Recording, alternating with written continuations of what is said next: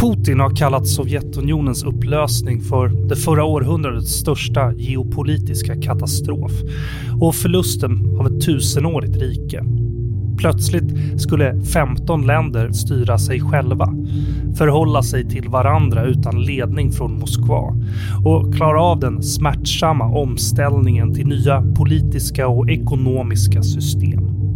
Så hur gick det egentligen? Och hur står det till idag? Vad innebär det att vara en postsovjetisk stat i Rysslands skugga?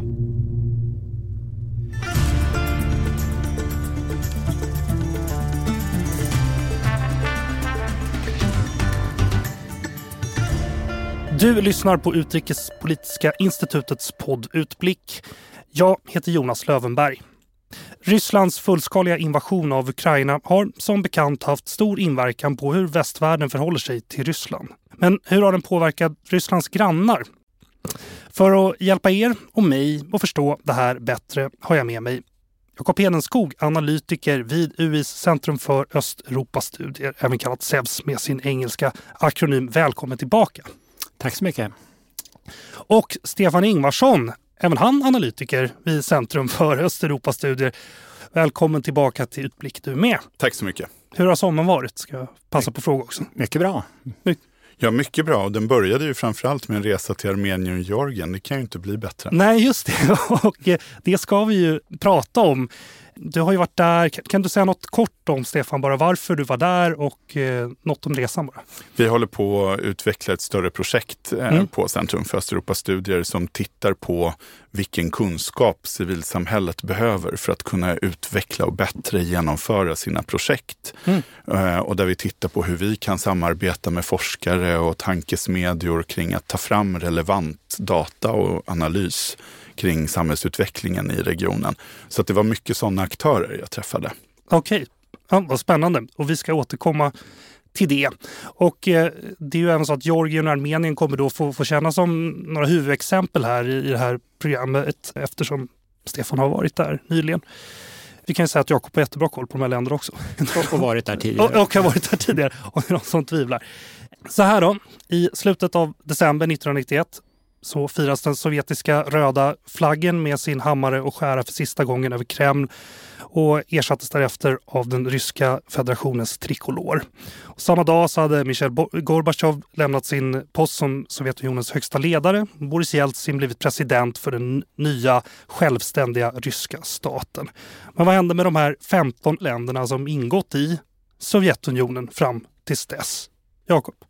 Ja, det, om vi börjar med de baltiska staterna och de kanske vi ska diska av här ganska fort. För ja, de, de gick ju sen eh, västerut så att säga och, och, relativt snabbt så blev de medlemmar av både Europeiska unionen och Nato.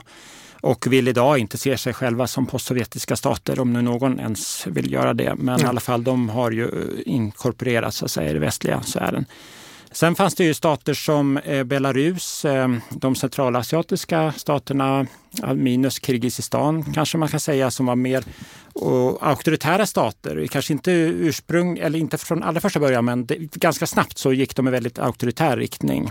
Mm. Och eh, har fortsatt så även om de också i olika hög grad under olika perioder har försökt att balansera sina relationer med Ryssland också med, med relationer västerut och i, för Centralasien framförallt då, också med Kina. Och sen har vi då Ukraina, Moldavien, Georgien, Armenien mm. eh, som var prövande, balanserande mellan Ryssland och väst men där den provästliga linjen har, har fått övertaget ganska klart. Undantaget möjligen Armenien då som är beroende av Ryssland för stöd och är isolerat i sin i sitt läge där mellan Azerbajdzjan och Turkiet och länder som de inte har diplomatiska förbindelser med. Eh, Ukraina, Moldavien, Georgien har ju fått associeringsavtal till EU och Ukra Ukraina och Moldavien också kandidatstatus så sent som i somras. Här. Mm, och eh, Ukraina och Georgien är ju då också för NATO-medlemskap och driver en sådan linje medan Moldavien har intagit en mer, de har en, en konstitutionell neutralitet. Så att man kan dela upp de här länderna i, i olika klasser så att säga mm. i förhållande till hur de står till Ryssland och eh, västmakterna. Vill du säga någonting? Där? Ja, alltså vi eh, tenderar att se på de här, eh, den här regionen genom liksom två eh, glasögon. Det ena mm. är just den, deras postsovjetiska status och deras relation till Ryssland. Och det är ju liksom ofta så som västvärlden har fortsatt att analysera dem mycket som ett spelrum för, den, för ryskt agerande eller relationen med Ryssland. Och det andra är det format som på eh, Sveriges och Polens initiativ har blivit EUs perspektiv på de den europeiska delen av Sovjetunionen, det vill säga det östliga partnerskapet. Och det har ju varit liksom ett, ett sätt som vi har valt att närma oss eh, de, många av de här länderna, men som idag kan sägas ha fallit sönder. Mm. Därför att det har varit så tydligt att det är EUs vilja och behov av att gruppera ett antal länder som idag egentligen har väldigt, väldigt lite gemensamt och, och väldigt lite vilja av att bli grupperade tillsammans. Så det är väl lite det man också kan säga, att vi, vi måste vara försiktiga med också vad vi har för glasögon och hur vi ritar kartor och så vidare.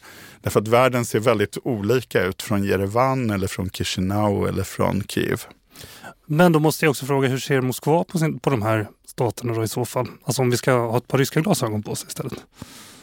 Det varierar väl också men vad det gäller Ukraina som vi ser nu mm. så är ju det ett, från rysk sida ett eh, expansionistiskt eh, aggressionskrig, mm. imperialistiskt krig eh, som syftar till att förstöra Ukraina som en självständig stat och nation. Så att, och Ryssland har ju i praktiken redan inkorporerat delar av Ukrainas territorium då i, i Ryssland sedan 2014, framförallt Krim och så, delar av mm. Donbass. Sen är inte till exempel Moldavien av samma dignitet för Ryssland. Belarus är ju i praktiken eh, så inkorporerat militärt, politiskt, ekonomiskt med Ryssland därför att Lukasjenko, presidenten där då efter protesterna 2020, så beroende av Putin. Mm. Så att där kan vi också i praktiken ifrågasätta om Belarus är en självständig suverän stat. Ryssland för ju en, en, så att säga, en imperialistisk politik i det här området mm. som man betraktar som sin egen exklusiva intressesfär eller till och med som delar av Ryssland. Precis, just det här med intressesfären var väl det jag ja. undrade. Ja, ja, Men, men det finns en, alltså alla länderna här har ju, spe, alltså, det har ju funnits fram till nyligen en, en självständighet eh, och en viss äh, agens hos varje så kallad postsovjetisk stat. Och som sagt, Belarus är kanske den första som de facto har förlorat sitt självbestämmande och, och det står ju också ryska väpnade styrkor stationerade på deras territorium. Vi, vi ser ju att den roll som Belarus under många år hade där man försökte balansera och spela ut Ryssland och EU mot varandra och göra avtal med båda sidorna. Den rollen har ju Kazakstan i större utsträckning mm -hmm. intagit idag. Och vi kan, vi kan ju se att, och då kanske inte framförallt med västvärlden och Ryssland utan Kina och Ryssland och det är ju viktigt också att säga att motpolerna är ju lite olika beroende på hur långt österut vi rör oss i den här regionen. Så att säga att vi har Ryssland å ena sidan så har vi de här länderna och så har vi dragningskraften från Kina och dragningskraften från EU. Bara för att rita upp liksom hela kartan. Ja, precis.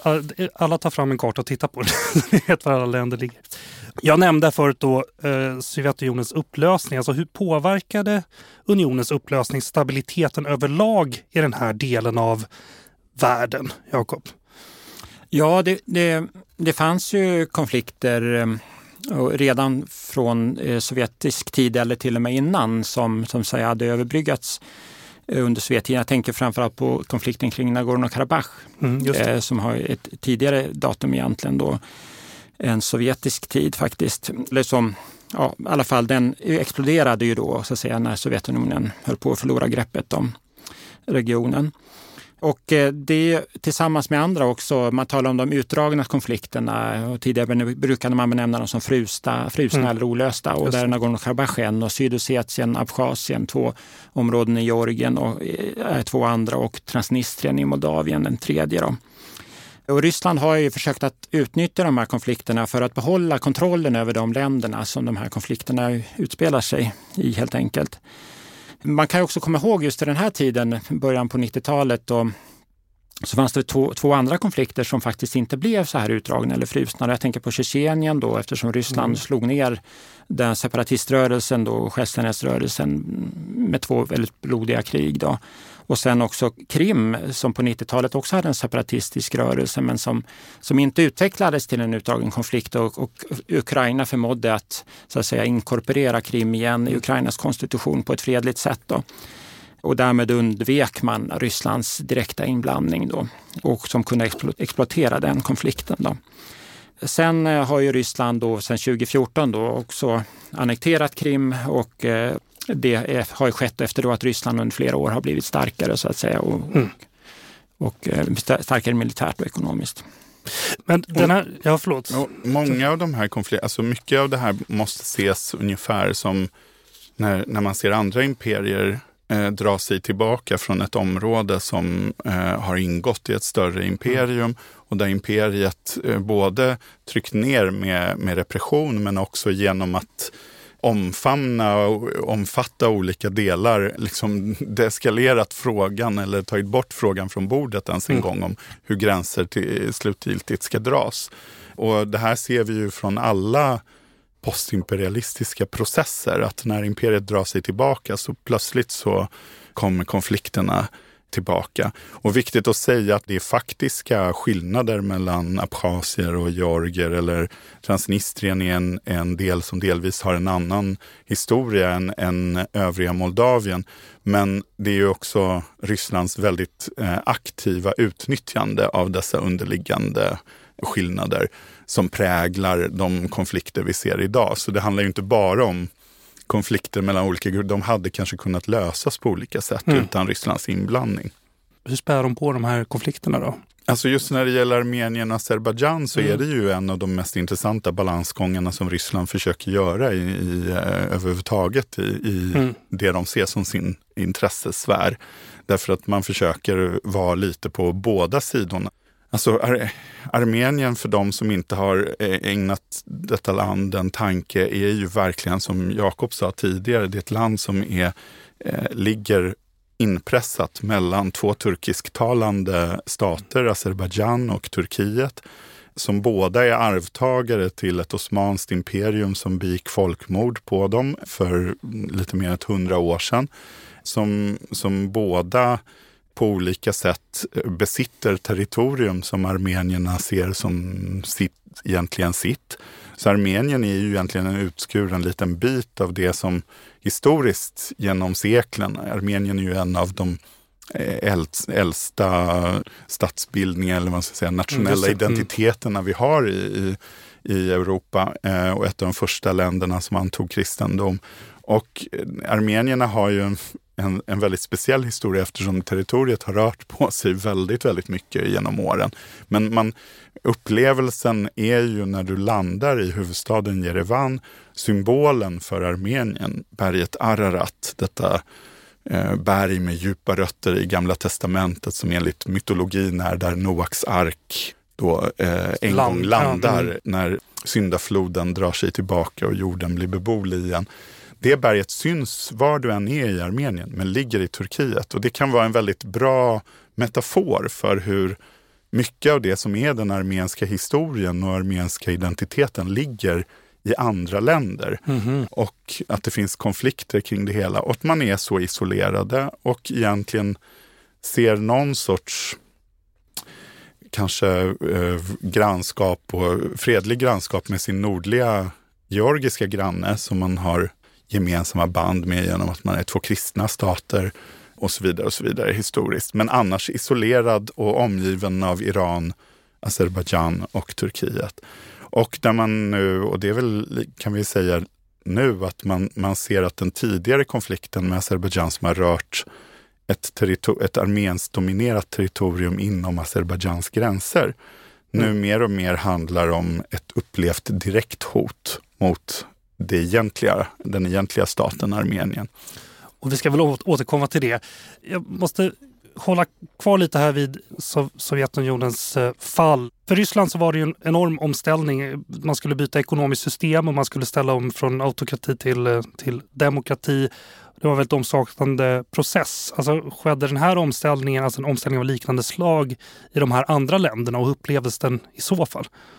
Jakob?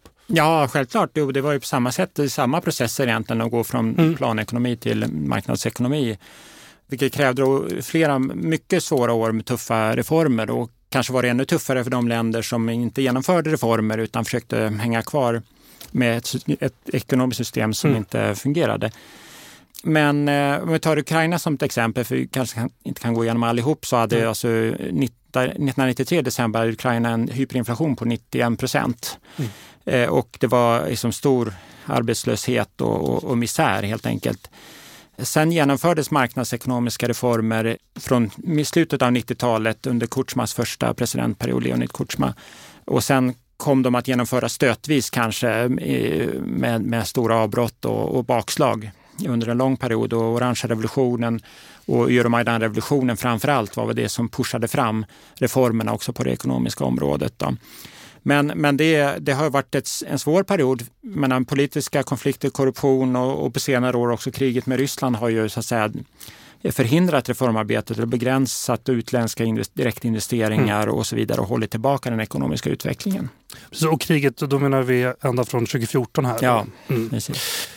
Har oron för en rysk eh, ska vi säga, intervention eller inblandning eller vad som helst i ens politik eller att Ryssland ska kliva in, kliva in på ens territorium, har den ökat i takt med att Ryssland har växt sig starkare?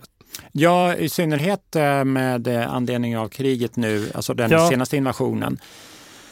Eh, så är några av länderna kanske upplever det mer starkare än andra. Jag tänker mm. förstås på Georgien och Moldavien. Mm. Ehm, och, men också Kazakstan kanske som har en stor rysk minoritet och, eh, i, i norra Kazakstan. Och, ehm, eh, vi kanske kommer komma in på det senare också, mm. som försöker att driva en egen linje så att säga och eh, har tagit ställning ganska kraft, kraftigt också liksom för, mm. för det. Moldavien är ju, eh, Moldaviens, alltså när framryckningen gick fort i Ukraina och man mm. kunde tänka sig att man skulle ta Odessa, då tar man Odessa, då är man ju framme vid den här utbytar eh, Eh, ja, eh, icke av Moldavien kontrollerade delen av Moldavien Transnistrien och där finns det ju en mindre rysk styrka stationerad. Men då har man ju så att säga då är ju Moldavien inte, Moldavien har ingen större armé eller militär förmåga utan då är Moldavien högst utsatt ifall de ryska styrkorna når till Odessa. Mm. I, Georgien har man ju utkämpat ett krig mot Ryssland nyligen så där är ju det eh, väldigt närvarande. Jag skulle, om man liksom jämför Georgien och Armenien så skulle jag säga idag har vi ju eh, Georgien är ju ett väldigt västtillvänt samhälle och en befolkning som stödjer Ukrainas krig mot Ryssland väldigt, väldigt starkt. Mm. Men har en eh, regering styrd av partiet Den georgiska drömmen som för en väldigt försiktig, vissa skulle säga närmast pro-rysk linje. Medan Armenien är lite på ett annat sätt där eh, det är ett land som traditionellt haft väldigt stora sympatier för Ryssland för att man ser Ryssland som den enda garanten för ens existens mellan mm. Azerbajdzjan och mm. Turkiet. Och man länge har sett att det är liksom och det går historiskt tillbaka varför Armenien en gång blev en del av det ryska imperiet och så vidare. Att man verkligen har sett Moskvas beskydd som inte så mycket en ockupation utan som en, en garanti för ens eh, existens. Men sen har man ju sett hur tveksamt Ryssland förhåller sig till Armenien när lojaliteterna ställs mot det mycket starkare och rikare och gas och oljerika Azerbajdzjan och i mm, allt som händer mellan Ryssland och Turkiet i relationerna. Så att nu är man jätteorolig. Och där har man en, en, till skillnad från Jörgen, en väldigt provästlig regering just nu. Men mm. ett samhälle som är väldigt splittrat i hur man ser på sin roll mellan väst och Ryssland. Så bara de två länderna kan ge en ganska tydlig Spännande, eh, ja. Och i Tbilisi så ser du eh, ukrainska flaggor och eh, visuellt stöd för Ukraina. Georgiens huvudstad. Ja, i Georgiens mm. huvudstad. På exakt varenda hus. Alltså mm. exakt varenda hus. Medan i Erevan finns det inga ukrainska flaggor. Det finns ett stöd i, i civilsamhället och bland vissa aktörer och så vidare. Men du, visuellt i Erevan så ser du ju bara ryssar. Mm. Så det, det, det är en ganska stor skillnad mellan de här två länderna. Bara två exempel bredvid varandra. Det är dit vi ska här nu i mm. samtalet. Men jag måste fråga en sak till bara innan. Jag tänkte fråga dig Stefan. Efter Sovjetunionens fall så fanns det ändå några, eh, fanns det ju i perioden när den här omställningen inte gick så bra en längtan tillbaka till, till kommunismen och Sovjettiden i vissa delar av, av landet. Fanns, har det funnits liknande eh, strömningar i de här andra länderna? Det har funnits lite överallt. Jag menar, eh, ett systemskifte präglas ju, alltså det, har, det kan vi ju även se i, i östra Europa, alltså i Tjeckien, i mm. Polen, mm. att det har, det har inte varit dominerande eh, politiserade känslor. Men du ser att känslorna återkommer i popkulturen, i, mm. eh, i diskussioner. Alltså ett ut, det är klart att många av oss är nostalgiska kring tidigare perioder och vi ser dem i ett lite bättre ljus än de faktiskt var. Mm. Eh, I Ryssland så var ju kommunistpartiet det egentliga stora hotet mot Putin när han Just tillträdde mm. som, eh, som president. Och eh, mycket av hans första period handlade ju, vid makten handlade ju om att ta kontroll över kommunistpartiet som, som mm, politisk faktor. Och därför så lämnade man ju de kommunistiska, alltså det skedde ju en sorts eh, konsensus som man lite symboliskt kan säga att Lenin aldrig begravdes. Alltså, det fanns ju konkreta planer under den sena Jeltsin på att begrava Lenin och avskaffa Lenin-mausoleet på Röda torget och så att säga därmed kanske också begrava kommunismen och börja en process där Lenin-statyerna kanske hade plockats ner till museer istället för att stå i exakt varenda rysk stad mm. på det centrala torget än idag. Ukraina inledde ju parallellt en avkommuniseringsprocess där man tog, ändrade gatunamn och liksom tog bort mm. det sovjetiska arvet. Sen, och det här vet ju du Jakob mycket bättre än jag, att eh, de här stämningarna har ju varit fördelade olika och man brukar säga jag tycker att jag är väldigt emot det här med att prata om västra och östra Ukraina som liksom att östra Ukraina skulle liksom vara mer ryskt. Det, det är mycket mer komplext än så. Mm. Men vi ska komma ihåg att västra Ukraina också var en del av Sovjetunionen mycket kortare. Först från andra världskriget, inte från revolutionen. Och i, i västra Ukraina fanns det ju fortfarande människor vid liv 1990, i början av 90-talet som hade levt i ett eh, Eh, i ett Ukraina som inte var en del av Sovjetunionen. Så att de här, den här sovjetiska fernissan i städer som Lviv var ju mycket tunnare. Vad spännande. Vi ska prata vidare här om, om resan som du eh, har gjort. Vi börjar med Armenien, tänkte jag. Va, mm. Vad är det för land idag? Det har vi varit inne på, mm. men du får, får gärna eh, berätta lite mm. mer om det. Men också, och vad har invasionen av Ukraina inneburit? Det har inneburit framförallt en en väldigt konkret sak. Alltså, man ska komma ihåg att Armenien är ett land som i sig är traumatiserat av ett krig som har mm. pågått länge och som nyligen då eh, var hett igen och där man förlorade eh, och eh, fick avträda delar av det som vi på svenska oftast kallar för Nagorno-Karabach. Men jag, jag, är lite försiktig med den termen, för mm. Nagorno mm. är en rys, ett ryskt ord. Så jag brukar säga bergs-Karabach eller övre Karabach. Det. Men, ja, kan bara säga, geografiskt så är det väl en, en ja, bergsbit. Det, det, är en bit, bit av högland eh, ja. i Azerbajdzjan som bebos av många armenier mm. och där man nu har avträtt kontrollen över en större del av detta territorium till Azerbajdzjan och där man upplevde att man inte fick så starkt stöd från Ryssland som man hade hoppats i den här konflikten. Och man ser bara mm, den fullskaliga invasionen av Ukraina som en ytterligare, ytterligare stort frågetecken vid horisonten. Mm. Där det är svårt att veta kan vi räkna med ett stöd? Alltså vi vill inte bli vi vill inte bli ockuperade, vi vill vara självständiga men vi ser ju framförallt Ryssland som en garanti för vår självständighet mot Azerbajdzjan och mm. indirekt mot turkiska intressen. Men nu har vi några vänner kvar, är den stora frågan i Jerevan. Jag skulle också vilja betona att Armenien och Jerevan har ett enormt inflöde av ryssar just nu. Exakt hur många är lite svårt att säga därför att det finns bara statistik om eh, eh, turistvisum och ryssar kan vistas rätt länge i både Georgien och Armenien och mm. vi vet inte exakt hur många som har kommit för att stanna och hur många som åkte iväg och nu eh, tvekar och kanske återvänder. Men det handlar om hundratusentals ryssar som vistas i det här väldigt lilla landet som har fått lättnader för att starta företag från den armeniska statens sida. Det finns gator i, i Armenien just nu där det är eh, syster eller dotterrestauranger till eh, kända restauranger i Moskva som ligger efter varandra mm. och där alla är ryssar. Och där jag kunde gå runt som har bott och arbetat i Moskva och liksom känna igen, men alltså känna att jag var i Moskva under en kväll. Alltså det, det är en stor del av Moskva som, jobb, som är ekonomiskt oberoende och en stor del av IT-branschen och många unga människor som helt enkelt har flyttat sina liv och distansarbetar, ofta mot Ryssland eller mot andra delar av världen från Jerevan. Och jag ska bara ge en bild, mm. till exempel när jag pratar med armeniska civilsamhällesorganisationer så säger de att ja, nu, är vi, nu kommer alla svåra frågor. För det är klart att deras barn har rätt att gå i en skola. Ska de då få bilda ryska skolor?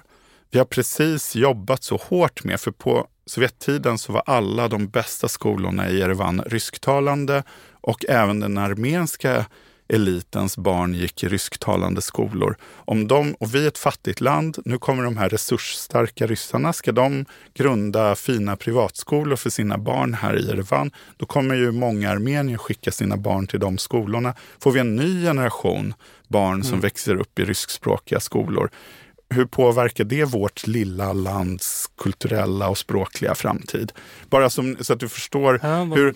Jag menar, och de säger, vi är civilsamhällesorganisationer, klart vi vill att barnen kommer i skola så fort som mm. möjligt, men samtidigt ser vi enorma risker. Jakob, vad säger du om det här? Vad är, vad är Armenien för land? Jag kan bara till bara som komplement ja, visst, att ja. eh, alltså de här länderna, Armenien och Georgien, är ju egentligen då, alltså väl, den ryska minoriteten är ju egentligen små där. Alltså det är mm. väldigt etniskt homogena länder. Mm. Till skillnad från flera andra Sovjetrepubliker, och, eller för detta Sovjetrepubliker som, som Kazakstan och, och Ukraina delvis. Och, så. Så, att, eh, så att det där inflödet av, av ryssar då, det påverkar ju den etniska balansen så att säga på, på, på, på många olika sätt. Sen är det som med Ryssland nu har ju också det fokus på annat håll mot Ukraina och eh, det gör att i Armenien Alltså där har EU en chans att föra en mer aktiv, har en mer aktiv roll och, och en del i samtalen om en permanent lösning på konflikten. Och även Turkiet har ju skjutit ju fram eh, sina fötter liksom i regionen och också framförallt kopplat till till exempel infrastrukturprojekt efter. Mm. kriget 2020 att koppla ihop eh, Azerbajdzjan med Nakhchivan eh, och med Turkiet sen till exempel. Och också öppnar upp för samtal med Armenien. Då. Och eh, Armeniens premiärminister Pashinyan som är en provästlig eh, politiker men försöker att balansera då med mm, Ryssland också, har ju då uttalat till exempel att när, när att han är beredd att erkänna liksom Nagorno-Karabach, eh, eller Höga Karabach, hur vi ska uttrycka mm. det, som en del av, av eh, Azerbajdzjan och att det handlar om rättigheter, inte territorier och så vidare. Så att eh, samtidigt så uppstår ju lätt skärmytslingar och, och beskjutningar mm. både med gränsen Nagorno-Karabach och också med den armeniska azerbajdzjanska gränsen. Så att det, det finns olika, det är olika liksom tendenser här. Vi ser en positiv utveckling och en, en, en skör och kanske en, en utveckling som kan gå åt det negativa hållet. Och Azerbajdzjan har ju då en, det vi kallar för exklav, alltså en del av Azerbajdzjans mm, Azeris territorium som ligger eh, väster om Armenien och som inte har någon, alltså precis som Kaliningrad inte har någon koppling till eh, Ryssland, övriga Ryssland, utan man, man har en landkorridor då genom Polen och Litauen, så eh, är det precis samma situation eh, i södra Armenien. Det vill säga man, man måste eh, man måste åka genom armenskt eller iranskt territorium för att ta sig från en del av Azerbajdzjan till en annan del av Azerbajdzjan. Mm. Och det är ju här Armenien känner sig väldigt hotat just nu. Och eh, mm. Azerbajdzjan eh, har ju höjt sitt tonläge men har kanske också en, en, en mycket starkare position. Och här väcks väldigt många frågor i det armeniska samhället när EU nu ställer om stora delar av sin olje och gasimport från Ryssland till Azerbajdzjan som är ett av de stora alternativen mm. som finns tillgängliga. Och då ställer sig armé, ar, frågor man kan få höra från armeniska civilsamhällesaktörer. Så ni byter en krigsförbrytare mot en annan krigsförbrytare mm. och så tycker ni att det är bra. Men det som egentligen kommer att hända det är ju att ni, ni betalar ju bara rakt in i den azeriska statskassan enorma summor som kommer att användas till att rusta upp Azerbajdzjan. Och, eh, och då säger de i Baku, i Azerbajdzjans huvudstad, så har de ju en balansgång. Hur länge tänker vi mjölka EU? Och när har vi tillräckligt stark armé för att krossa Armenien, säger armenierna. Så att de säger så indirekt håller ni just nu på att beväpnar mm. Azerbajdzjan och gräva våran grav. Och det är ju liksom den anklagelsen som är svår att bemöta när, när man möter armenier. För att de facto är det ju så att eftersom vi ska Eftersom vi, vi vill växla importen av gas och olja från Ryssland så måste vi titta på andra eh, tillgängliga källor och då väljer vi att se lite mellan fingrarna på vad Azerbajdzjan är för stat. Jag tänkte också på det här med Rysslands intresse mm. att hålla konflikten Nagorno-Karabach vid mm. liv för att, så att säga, man har ju sina fredsbevarande styrkor där och så vidare och eh, man, det är ett sätt att kontrollera både utvecklingen i Armenien och Azerbajdzjan och och Ryssland har ju också ett intresse av att inte låta Turkiet bli för starkt, att inte eh, låta relationen mellan Turkiet och Armenien förbättras avsevärt för att då skulle Armeniens ekonomi kunna utvecklas i, mm, tack vare liksom den stora turkiska marknaden mm. och så och det skulle göra Armenien mindre beroende av Ryssland. Tillbaka till, bara till din eh, resa, mm. Stefan, här nu senast strax innan sommaren. Alltså, hur är stämningen i landet? Kan du säga något om det? Alltså en väldigt tydlig bild var ju när Rysslands utrikesminister Lavrov kom till Jerevan under den tiden då jag och mina kollegor var där. Och det var väldigt tydligt att den opposition som tidigare var vid makten och som är prorysk och har väldigt starka band till kriget i, runt kring Karabach och rötter i, i Karabach. I den, den den politiska formationen, att de iscensatte protester. Det såg väldigt hotfullt ut samtidigt när du talar med armenier så eh, ser de ungefär på det som när en del regimstödjande protester iscensätts i Ryssland, det vill säga mm. folk bussas in med, med någon viss ersättning, ja, ställa till med rabalder i, i huvudstaden. Men då var det väldigt tydligt att eh, andra krafter än de som är vid makten just nu och som har för en lite mer pro-europeisk politik eh, ville utnyttja Lavrovs besök till att så att säga, visa att det armenska folket egentligen står på Rysslands sida i kriget mm. med Ukraina. Så att det var stora proryska mm, demonstrationer i Armenien samtidigt som när vi talar för så ett sånt brett spektrum av företrädare för forskning, civilsamhälle mm. och politik i Armenien så säger alla det här är ingen det här är inget verkligt fenomen. Eller jag menar, de här krafterna finns, men de är inte så här stora som det ser ut just nu. Så bara det som ett, men det såg väldigt hotfullt ut och det var väldigt starkt. Och det är klart att det är ju speciellt att tänka sig ett europeiskt land där man i huvudstaden har en stor, massiv, tiotusentals människor som marscherar till stöd för Ryssland. Mm. Det är inte, och Rysslands krig i Ukraina, det är ju inte vad vi föreställer oss. Men det är en del av eh, den armeniska verkligheten också. Och det hade aldrig hänt i Georgien. Ja, precis, Stefan, du säger Georgien här, så vi, vi hoppar vidare till, eh, till Georgien. Vad är, vad är Georgien för land idag och invasionen av Ukraina? Vad har det inneburit för landet? Jakob, jag tänkte du kunde berätta det. Ja, eh, vi har varit inne på det. Stefan har ja. nämnt eh, om eh, de pro-ukrainska stämningarna som man finner i Georgien mm. också. Att det är en skillnad i att regeringspartiet Georgiska drömmen då är väldigt avvaktande och, och eh, inte vågar utmana Ryssland och man har inte hoppat på det här med sanktionerna mot Ryssland. Samtidigt som oppositionen då eh, under ledning av eh, partiet UNM, Saakashvilis parti, är väldigt starkt eh, Rysslandskritiska och Ukraina positiva. Och att Georgien är det land som har skickats flest frivilliga till att strida för, för Ukraina. Så det finns en väldigt stark pro-ukrainsk opinion. Då. Och eh, också kriget 2008 är ju ett färskt minne så att säga. Att det här är, Ryssland ockuperar ju fortfarande 20 procent av Georgiens yta. Och sen är det så alla de här ryssarna som vi har varit inne på redan som kommer till Georgien då, det är ungefär 250 000 sedan kriget startade, alltså eller invasionen den 24 februari. Och i en befolkning på 3,7 miljoner, så en ganska betydande del och, och framförallt i Tbilisi och, och Batumi som är en turiststad i Svarta havet. Alltså ryssarna har ju väldigt generösa möjligheter att stanna där 360 dagar utan visum. Det är betydligt mm. mer. Det är 180 dagar i Armenien. Då är ändå Armenien liksom en allierad till, till Ryssland kan man säga och 90 dagar i Azerbajdzjan. Så det är väldigt generösa regler och det är väl oklart hur många av de här som verkligen är turister då. Alltså mm. turister brukar ju inte starta företag och öppna bankkonton och så. Så att det, det, många av dem Eh, är nog där för att stanna mer eller mindre permanent. Sen är det samtidigt inte, alltså hur många av dem är, det är inte så att alla är dissidenter heller. Alla har inte tagit sig dit mm. Eh, för att de inte gillar Putin eller inte gillar kriget utan de kanske inte gillar utvecklingen i Ryssland nu generellt och det här med sanktioner och besvärligt och så. De kan mm. lika gärna sitta i Tbilisi och, och, och jobba mot Ryssland eller mot mm. ett internationellt företag.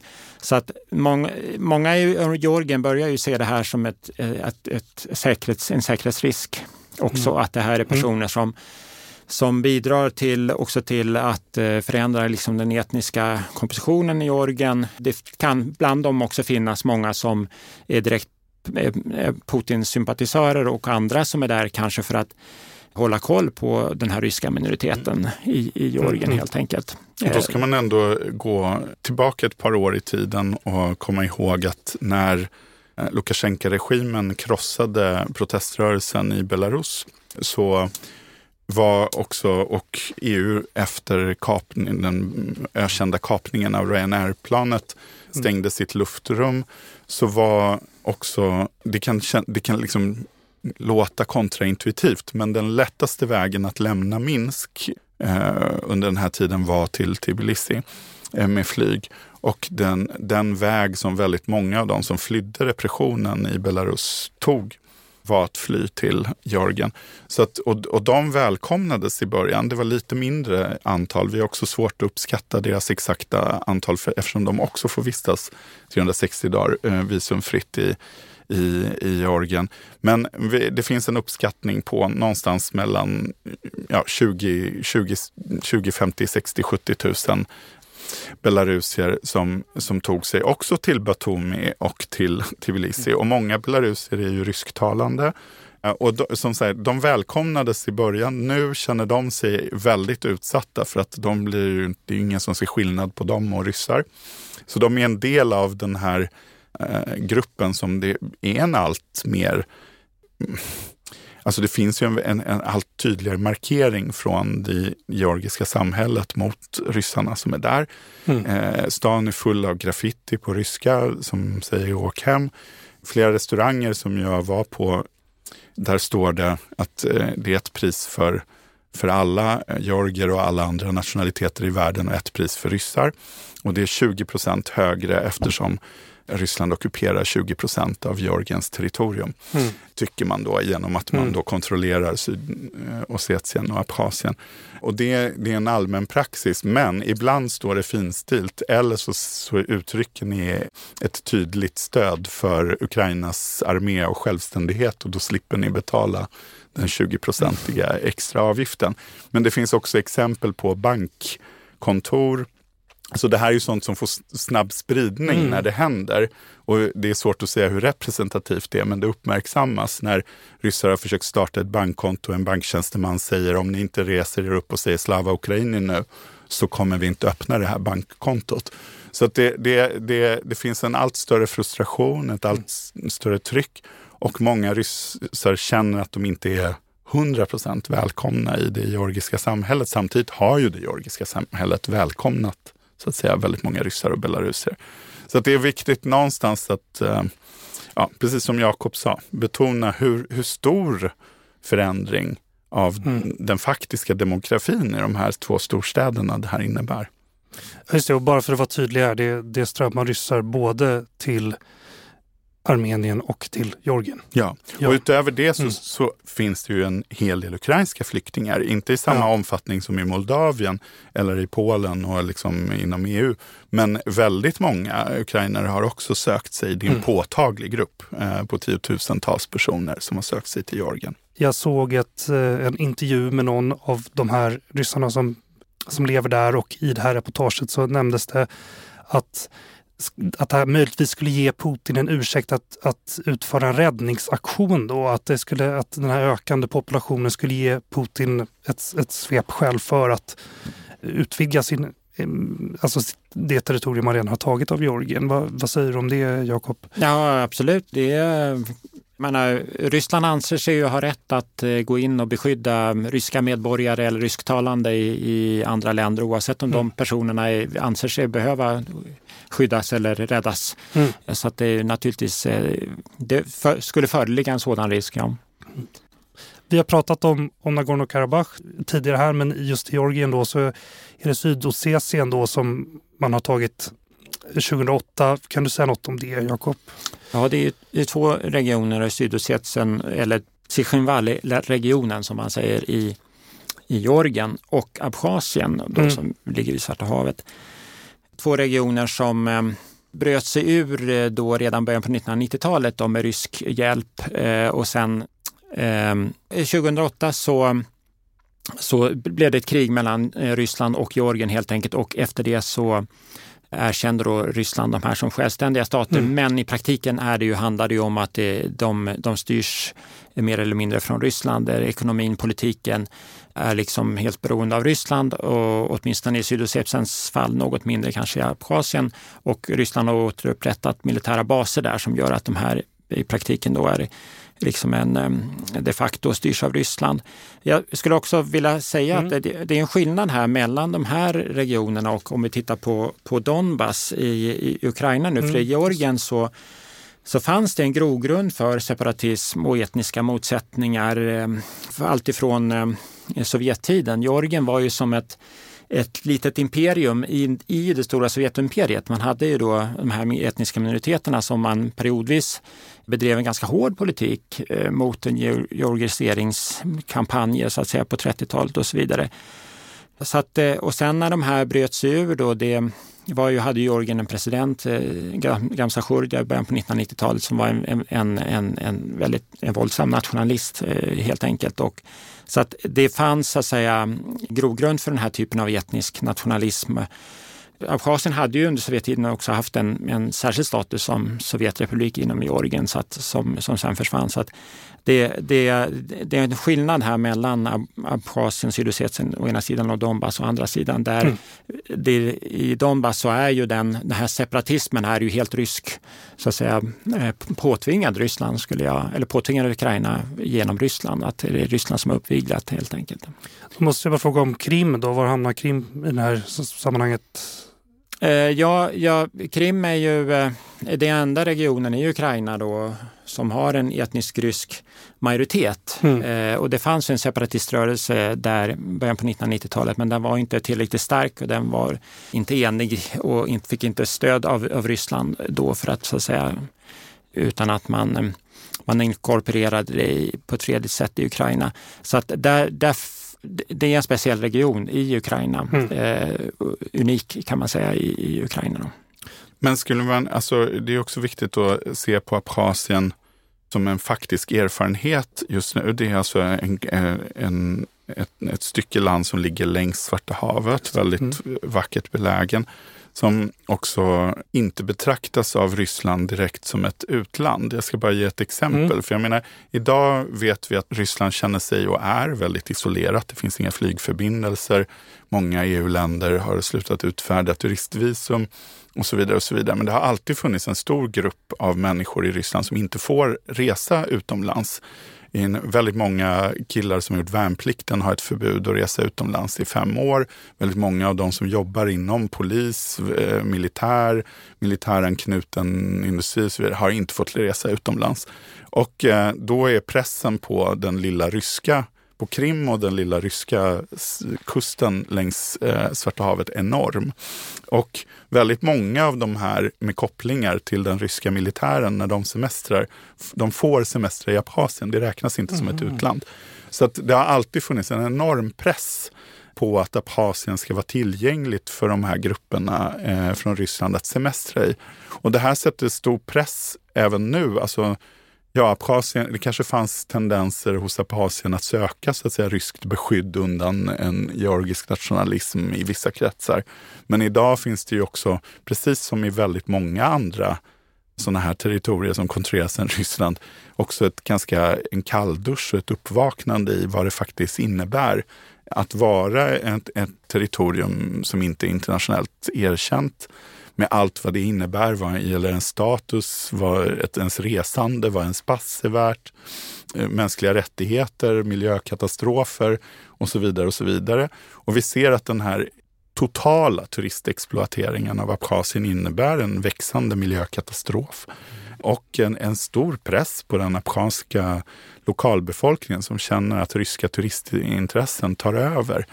Så det är väldigt viktigt att vi, liksom, eh, när vi talar om hur det en gång såg ut när de här konflikterna började, så var det på ett sätt. Och nu har vi eh, ett annat exempel. Och jag menar, är man en separatistregion just nu så skulle man kanske inte söka ett ryskt beskydd när man har sett vad som hände med Donbass till exempel. Mm. Som ju faktiskt är ett ett, ett territorium förstört av gangstervälde, förfallen industri, förfallen handel, gruvor som är översvämmade. Alltså det finns ju ingenting positivt att peka på vad det innebär att söka så att säga ryskt beskydd eller få ryskt beskydd oavsett om man vill det eller inte. När vi går tillbaka till Georgien, så jag menar, Georgien har ju de senaste åren upplevt en, en boom vad gäller europeisk turism. Eh, det är ju lite sådär Eh, om man ska vara lite mer lättsam. Jag har inte träffat en enda människa som inte blir förälskad i Georgien. Det är ju liksom det där.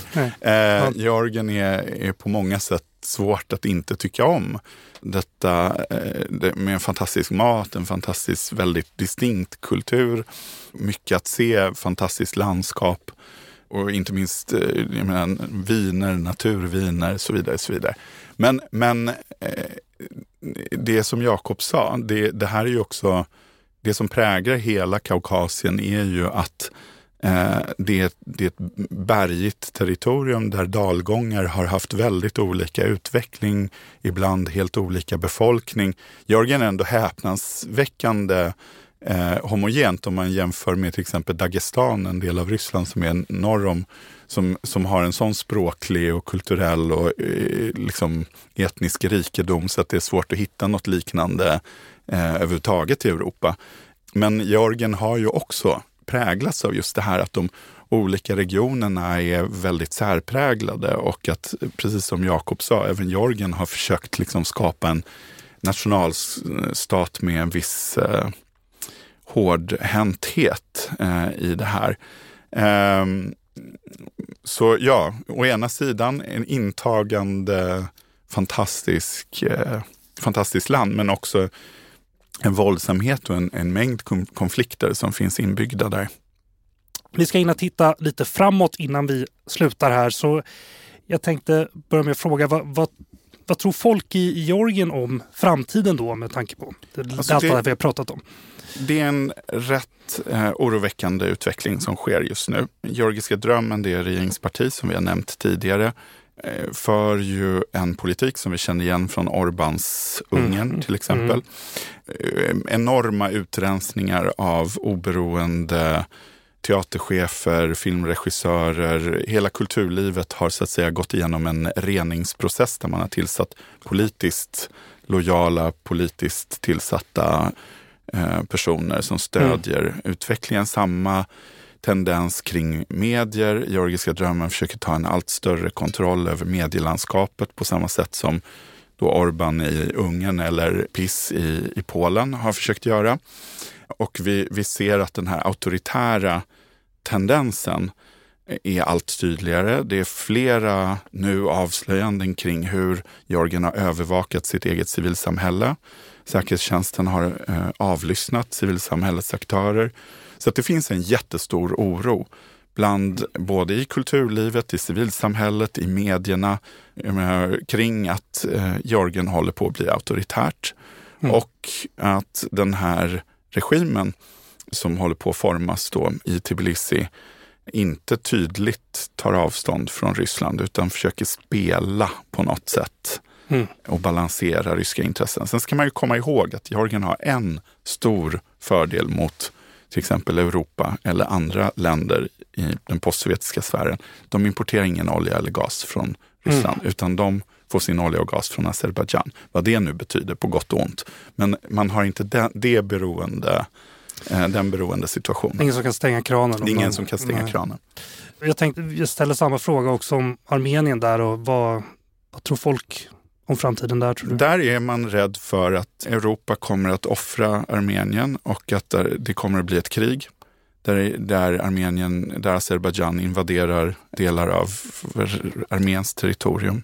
Mm. Och där man inte är säker på att någon kommer att försvara Armeniens existens. Och det är det överhängande hotet som alla eh, lever med i Erevan och i Armenien just nu. Och där litar man ju inte på Ryssland heller. Nej. Alltså Ryssland, Armenien och Ryssland har ju då, är då så att säga inom CSTO eh, och man har också bilateralt avtal som, som, som, som ska göra att Ryssland ska säga, ingripa till Armeniens försvar. Men det gäller ju då liksom Armeniens särskilda gräns, inte Nagorno-Karabach. Och mm. även när när skärmytslingar och beskjutningar sker just på det gränsavsnittet så ingriper inte Ryssland i alla fall nu. Så att, att Ryssland ska rädda Armenien, de litar inte, helt enkelt inte på det heller. De litar inte på Ryssland, de litar inte på EU, de vet inte vad Turkiet har för avsikter, de har inga fredliga relationer med Iran. Så att det, det är liksom... De det verkar stressigt. Det är stressigt. Ja, jag ska hinna fråga det här också. Vi har ju använt Georgien och Armenien som exempel här främst då, men är det någon annan av de här postsovjetiska staterna som vi ska hålla koll på? Ja, det finns anledning att hålla koll på Kazakstan till exempel. Det var ju ett, ett eh, oroligheter där i januari i år och mm. då eh, kallade då presidenten Tokajev in CSTO Eh, för att eh, bringa ordning där och eh, efter det så tycker då Ryssland att nu har vi inom ram för CSTO då hjälpt Tokajev att stanna kvar vid makten och att man förväntar sig att Kazakstan ska liksom ställa upp för Rysslands linje. Men Tokajev har markerat flera gånger till exempel så la man ner rösterna i FNs församling då, röstade inte för Ryssland och man har också, Tokajev uttryckte till exempel att han kommer aldrig erkänna de så kallade folkrepublikerna DNR och LNR. Och man fortsätter en, en, en politik som innebär att liksom öka kazakiska språkets ställning så att säga, och att gå över till latinskt alfabet från det kyrilliska alfabetet, mm. då, vilket Ryssland motsätter sig. Så och det finns den här ryska minoriteten som visserligen är mindre nu än under Sovjettiden i norra Kazakstan, men ändå och ryska nationalister i, i, i, Ryssland de beskyller Kazakstan för att förtrycka ryssarna och målar, ut, målar upp Kazakstan som ett, eh, det nya Ukraina helt enkelt, ja. som ett mm. land som, som Ryssland kommer att behöva ingripa mot. Så att det där finns anledning att hålla ögonen öppna. Sista frågan här då, som kanske är svår att svara på, men vad behöver hända för att de här länderna, alla de här länderna vi har pratat om, inte ska behöva känna sig hotade i som Rysslands skugga. Alltså, å ena sidan skulle man kunna säga att det är klart att eh, hela regionen skulle må bättre av att det imperialistiska trycket eller inblandningen från Ryssland på olika sätt. Både genom på, alltså ekonomiska påtryckningar, säkerhetstjänsters agerande, mm. politiska påtryckningar och så vidare. Och så vidare. Att det skulle förbättra läget och det, det är klart. Det vore mycket bättre om Georgien själva kunde sätta sig ner med Abchazien i en dialog utan Rysslands inblandning. Samtidigt så ska vi inte överdriva hur mycket Rysslands reträtt skulle lösa de konflikter som finns till exempel mellan Azerbajdzjan och Armenien. Det är, ju, det är inte på något sätt så. Men ja, det, det, det, är klart att de flesta länder i regionen tittar uppmärksamt på vad som händer i Ukraina. För mm. att eh, en rysk framgång i Ukraina är ju en, ett mörkt scenario för alla. Vad säger du Jakob? Ja, det är ju bara att hålla med de visa orden. Mm. Att, eh, men, och en demokratisk utveckling, hur den nu skulle kunna ske i, i dagsläget är svårt att vara positiv vad det gäller Ryssland. Mm. Men det är naturligtvis någonting som, som, som skulle förbättra relationerna också med, med grannländerna. Och när vi nu gett kandidatstatus från EUs sida till Moldavien och Ukraina så kanske det är extra viktigt att slå ett slag då för Georgien och Armenien som ju faktiskt har stora delar av samhället som, som ser åt vårt håll. Och att fortsätta och hitta format för att inte tappa bort dem. Jakob Hedenskog, analytiker vid UIs Centrum för Östeuropastudier. Stefan Ingvarsson, vem är du? Analytiker vid Centrum för Östeuropastudier. Tack för att ni kom. Tack så mycket. Tack. Nu har du lyssnat på Utblick. Glöm inte att trycka på prenumerera-knappen i appen där du lyssnar på oss. Vår vignett är skriven av Frid en Frid.